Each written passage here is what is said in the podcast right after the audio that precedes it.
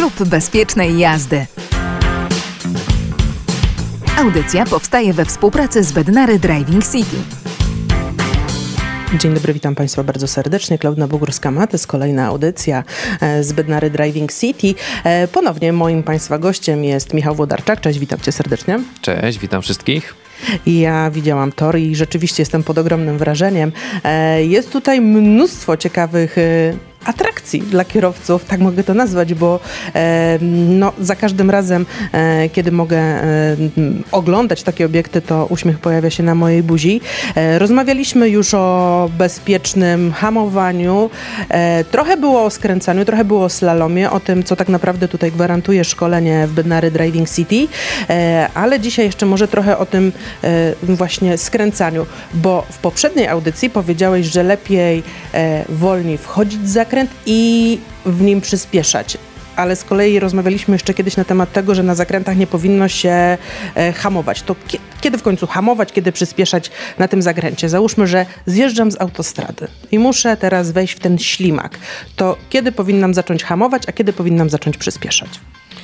No i właśnie z tymi zjazdami z autostrad, no myślę, że jest sporo problemu dla wielu kierowców, dlatego że jadąc dłuższy odcinek ze stałą prędkością 100, 140, e, no taka jest prędkość dozwolona na autostradzie, kilometrów na godzinę, no, bardzo często na ślimaku mamy ograniczenie do 40 czy do 50. No i teraz kierowca, który zjeżdża mm, po pewnym odcinku przejechanym z tą prędkością nieco wyższą, nie czuje się absolutnie tej prędkości, my do tej prędkości się przyzwyczajamy. Wytracając prędkość do 40-50, no czujemy, że wręcz stoimy w miejscu i często niestety ludzie przeginają z prędkością właśnie mm, podczas jechania. Wytracić prędkość przed zakrętem musimy dużo wcześniej. To co mówię przed zakrętem, a nie w trakcie jego dopiero E, pokonywania. To, co przypomniałaś z, poprzedniego naszej, z poprzedniej naszej rozmowy, wolniej wejdź, a szybciej ewentualnie wyjdź z zakrętu, żebyście mnie źle nie zrozumieli, też nie mamy dodawać gazu w samym jakby zakręcie. Moment wyjścia z tego zakrętu to jest moment, kiedy my zaczynamy prostować koło i znajdujemy się już na tym prostym odcinku, kiedy jesteśmy za zakrętem. I to jest faza wyjścia z zakrętu, gdzie teoretycznie możemy zacząć dodawać delikatnie mm, gazu. Znowu wrócę oczywiście do przyczepności, do nawierzchni, po której jedziemy, bo jeżeli nawierzchnia jest mokra, dodanie za dużo gazu może spowodować to, że wpadniemy w pocisk zarówno przednią osią, który nazywamy podsterowny, jak i jeżeli tym bardziej jedziemy tylno-napędowym autem, kiedy dodamy za dużo gazu podczas zakrętu może się pojawić też nadsterowność, czyli uślizg tylnej osi, co będzie dużym oczywiście niebezpieczeństwem.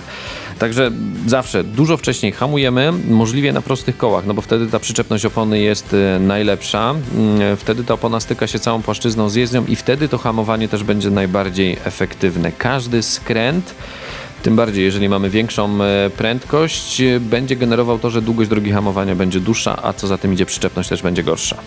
Skoro mówimy już o przyczepności, no to musimy porozmawiać też o oponach. E, są chyba dwie szkoły, e, że jeśli mamy wymienić dwie opony na nowe, to teraz gdzie my powinniśmy je włożyć? Czy z przodu, czy z tyłu? E, jak to jest z tymi oponami? Z przodu czy z tyłu są ważniejsze?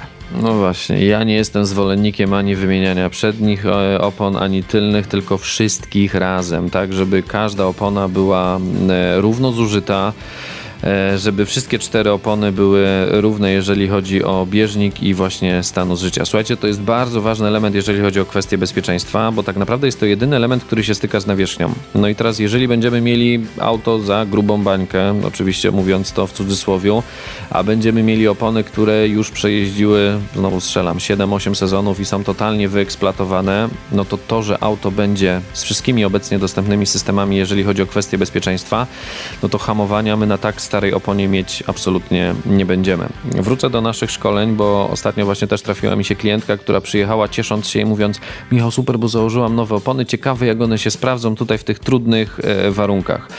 Słuchajcie, po pierwszych hamowaniach auto praktycznie w ogóle nie hamowało, już nie wspomnę o tym, że praktycznie w ogóle nie skręcało. W porównaniu do pozostałych samochodów długość drogi hamowania była dłuższa o dobre 10 do 15 nawet metrów. Nie dawało nam to spokoju, zjechaliśmy sobie na bok i słuchajcie, sprawdziliśmy rok produkcji opony. Jak się okazało, była ona z 2000, nie wiem, bodajże 8 czy też 9 roku. Jak się okazało, ładnie to nazwali w internecie, ale wietrzenie magazynów. I kupiła w mega promocji e, pani komplet opon teoretycznie zimowych, no ale słuchajcie, jeżeli opona ma 12-13 lat, no to ona nie będzie spełniała absolutnie żadnych swoich właściwości. E, ta guma już będzie na tyle twarda, że mm, podczas takiego hamowania na mokrym struktura tej gumy już jest na tyle nieodpowiednia, że przyczepności nie będzie praktycznie żadnej. Pamiętajmy i wymieniajmy te opony regularnie. Najlepiej opona będzie się sprawdzała do trzech, maksymalnie czterech sezonów. Oczywiście wszystko zależy od tego, ile pokonujemy też e, kilometrów. No jeżeli pokonujemy 100 tysięcy rocznie, no to oczywiście te opony też będzie trzeba wymieniać adekwatnie do zużycia części, ale bardzo ważny element to oczywiście wymiana tych opon i kontrolowanie ich stanu zużycia. To skoro mówisz, że wymiana, to na pewno nie jesteś zwolennikiem e, tych całorocznych opon, tak? No bo są tacy kierowcy, którzy kupują sobie te e, opony całoroczne. No z własnego doświadczenia mogę powiedzieć, to kiedyś takie przysłowie było, jak coś jest do wszystkiego, to mm, no, nie będę może kończył. To jest do niczego.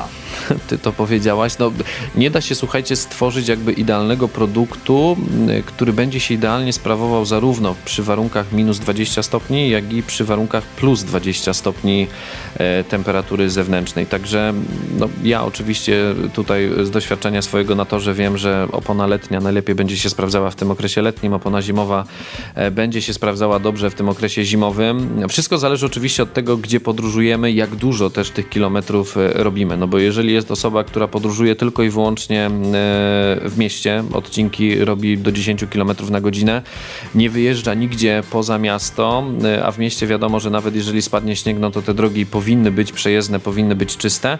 Opona wielosezonowa myślę, że mogłaby zdać nawet swój egzamin, ale jeżeli osoba podróżuje, jeżeli ktoś wyjeżdża chociażby raz na jakiś czas, ale na, na te tereny, gdzie poruszamy się poza obszarem zabudowanym, gdzie jeździmy drogami czy to szybkiego ruchu, czy autostradami, czy też e, wybieramy się na wakacje w te warunki nieco bardziej ekstremalne, górskie i śnieżne, no to tutaj opona zimowa na pewno e, będzie dużo lepszym rozwiązaniem. Ale wiesz, jak to było przez ostatnie lata? Nie mieliśmy tych zim, no i niektórzy wyszli z założenia, że skoro nie było tych zim z tymi śniegami i z tymi mrozami, no to dobra, będę się kulał na tych e, letnich oponach. Później, jak zaskakiwała drogowców i kierowców zima, to wszyscy e, jechali do punktów wulkanizatorów i zmieniali te, e, zmieniali te opony. E, czy rzeczywiście powinniśmy tak robić? Znaczy, ja już znam odpowiedź, że nie, e, ale m, powiedz mi, czy coś się złego dzieje z tą naszą oponą, jeśli wymienimy ją w listopadzie, załóżmy, i nawet jeśli nie będzie śniegu, nie będzie mrozów, czy, czy ona się będzie bardziej niszczyła? E, no, znowu to co, to, co tutaj mówisz, e, absolutnie nie doprowadzamy do sytuacji takiej, że czekamy do momentu, aż spadnie pierwszy śnieg, bo to bardzo często jest wtedy już za późno. Tak jak mówisz, tworzą się niestety kolejki u wulkanizatorów i często bywa tak, że spadnie pierwszy śnieg, my się umawiamy i dopiero za tydzień dostajemy termin e, tej naszej wizyty na wymianę, co już jest stanowczo oczywiście za późno. Wymienić opony na zimowe powinniśmy w momencie, kiedy temperatura spada do około poniżej 7 stopni, nawet na plusie. No i to jest myślę, że idealny moment na to, żeby zacząć już się zastanawiać, czyli taki e, październik, przełom października, listopada myślę, że będzie dobrym momentem na to, żeby zacząć e, już sobie bukować miejsce u wulkanizatora i wymienić te opony mm, na zimowe. E, To, czy jeździmy przez cały rok na letnich, czy nie, no pamiętajcie, że jeżeli pokonujemy spore odległości, no to ta opona letnia w okresie zimowym, jeżeli my będziemy nią podróżować, ona też się zużywa. Jeżeli mamy komplet zimowy i komplet opon letnich, no to jeżdżąc pół roku na letnich, pół roku na zimowych, my te opony będziemy mogli dłużej nieco eksploatować. Jeżeli jeździsz przez cały rok na oponach letnich, wiadomo, że siłą rzeczy one też szybciej będą wyeksploatowane i będziesz musiała je częściej wymienić.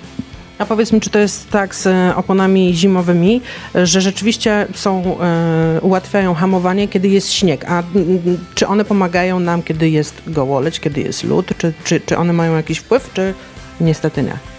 No na pewno trochę nam polepszą, ale słuchajcie, no jeżeli mamy gołoleć, jeżeli mamy lód, no to najlepsze byłyby kolce, nie? No bo ta przyczepność, jeżeli jest y, w cudzysłowie mówiąc oczywiście szklanka na drodze, no to opona letnia na pewno lepiej się zachowa w porównaniu do opony zimowej, ale są to warunki mocno ekstremalne i mocno ciężkie dla każdego rodzaju ogumienia. No ja zdecydowanie wolę nie wyjeżdżać wtedy po prostu na ulicę i czekam aż e, przyjdzie odwilż i stanie się po prostu jazda bezpieczniejsza.